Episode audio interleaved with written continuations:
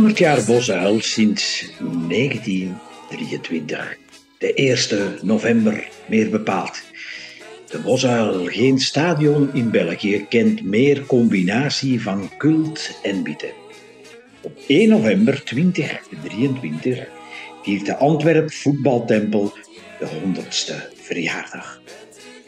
In deze podcastserie van het Voetbalmuseum vertellen we in 10 afleveringen over de vergeten geschiedenis van rode en witte duivels in de hel van Deurne.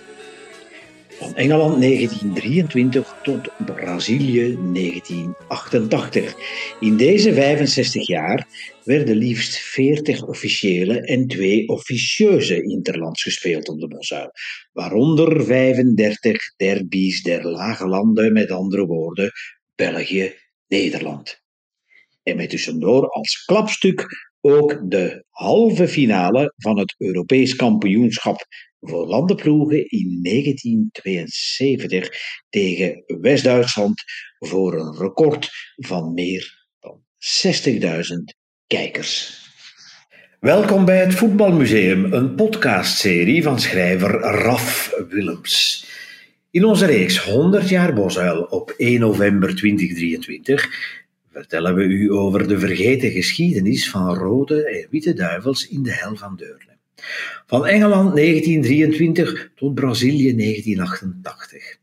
En vandaag behandelen we aflevering 7. Eigenlijk de belangrijkste interland aller tijden op de Bosuil, want met name eentje met enorm belang, historisch belang zelfs. Het was de halve finale van het Europees kampioenschap in 1972 dat in België werd gehouden. Een halve finale die een massa volk op de been bracht, een record zelfs van meer dan 60.000 toeschouwers tussen België en West-Duitsland. En de partij eindigde op 1-2 in het voordeel van de West-Duitsers. Bondscoach Raymond Goethals keek naar zijn moment van de waarheid. De eindronde met vier deelnemers van het Europees landenkampioenschap werd aan België toegewezen.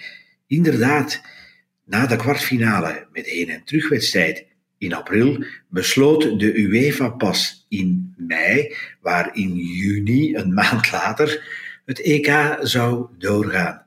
En men koos uit één van de vier uh, landen van de halve finalisten. Hongarije en de Sovjet-Unie leken haalbare kaarten voor de Witte Duivels, maar de ontrafeling van West-Duitsland was een ander paar mouwen. De Belgen hadden nogthans uitstekend gepresteerd. In de groepsfase werden de sterke tegenstanders Denemarken, Portugal en Schotland achter zich gelaten.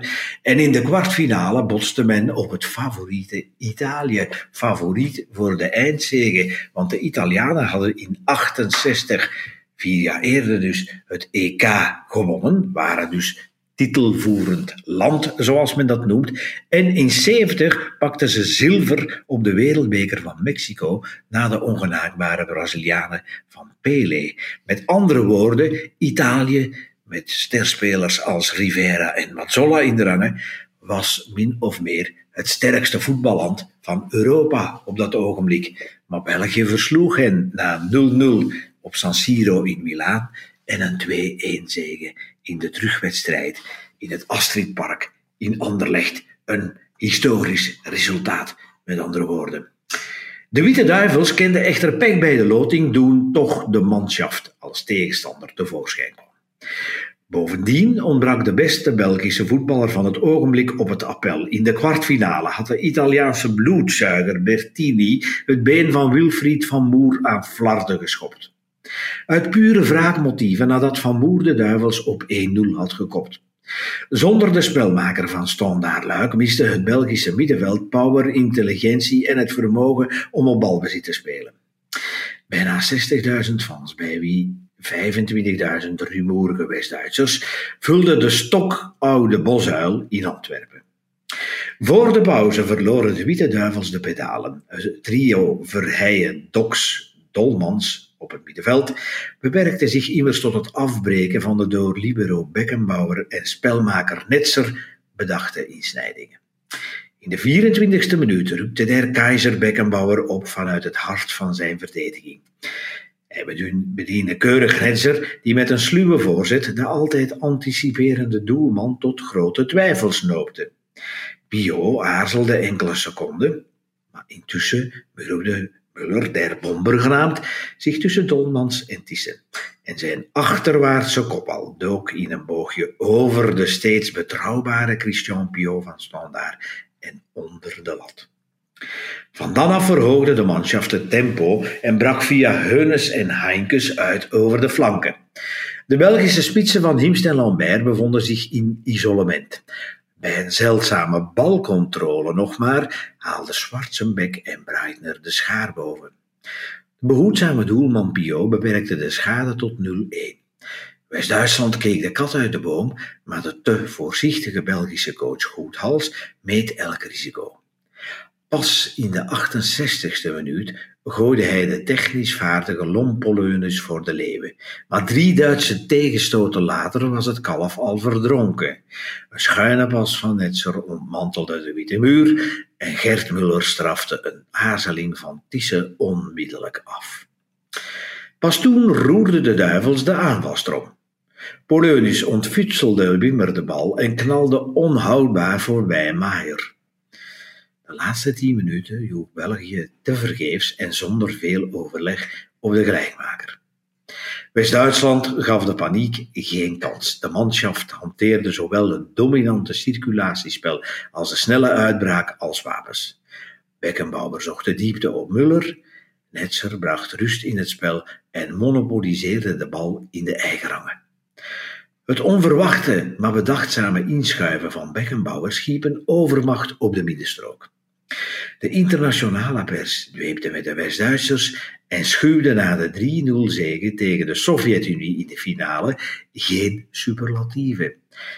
De Engelse krant The Times juichte: Het is een plezier om naar West-Duitsland te kijken. Ze brengen elegant en creatief voetbal dat hen ongekende mogelijkheden schenkt. Het Franse L'Equipe beelde zich dan weer het voetbal van de toekomst in. Het EK 72 beleefde de wedergeboorte van het offensieve voetbal en van de zwelvreugde. De publieke opinie deelde de sympathie. Meer dan 300.000 West-Duitsers vroegen een toegangskaart voor de finale aan. De Witte Duivels daarentegen wonnen de bronzen medaille tegen Hongarije voor een akelig leeg stadion. Amper 6000 fans, dus slechts een tiende van de mensen die naar de Bosuil kwamen voor de halve finale, dus amper 6000 fans, zagen op Sclessin hoe Lambert en Van Himst de voorsprong tot 2-0 uitdiepten. De Hongaren scoorden één keer tegen.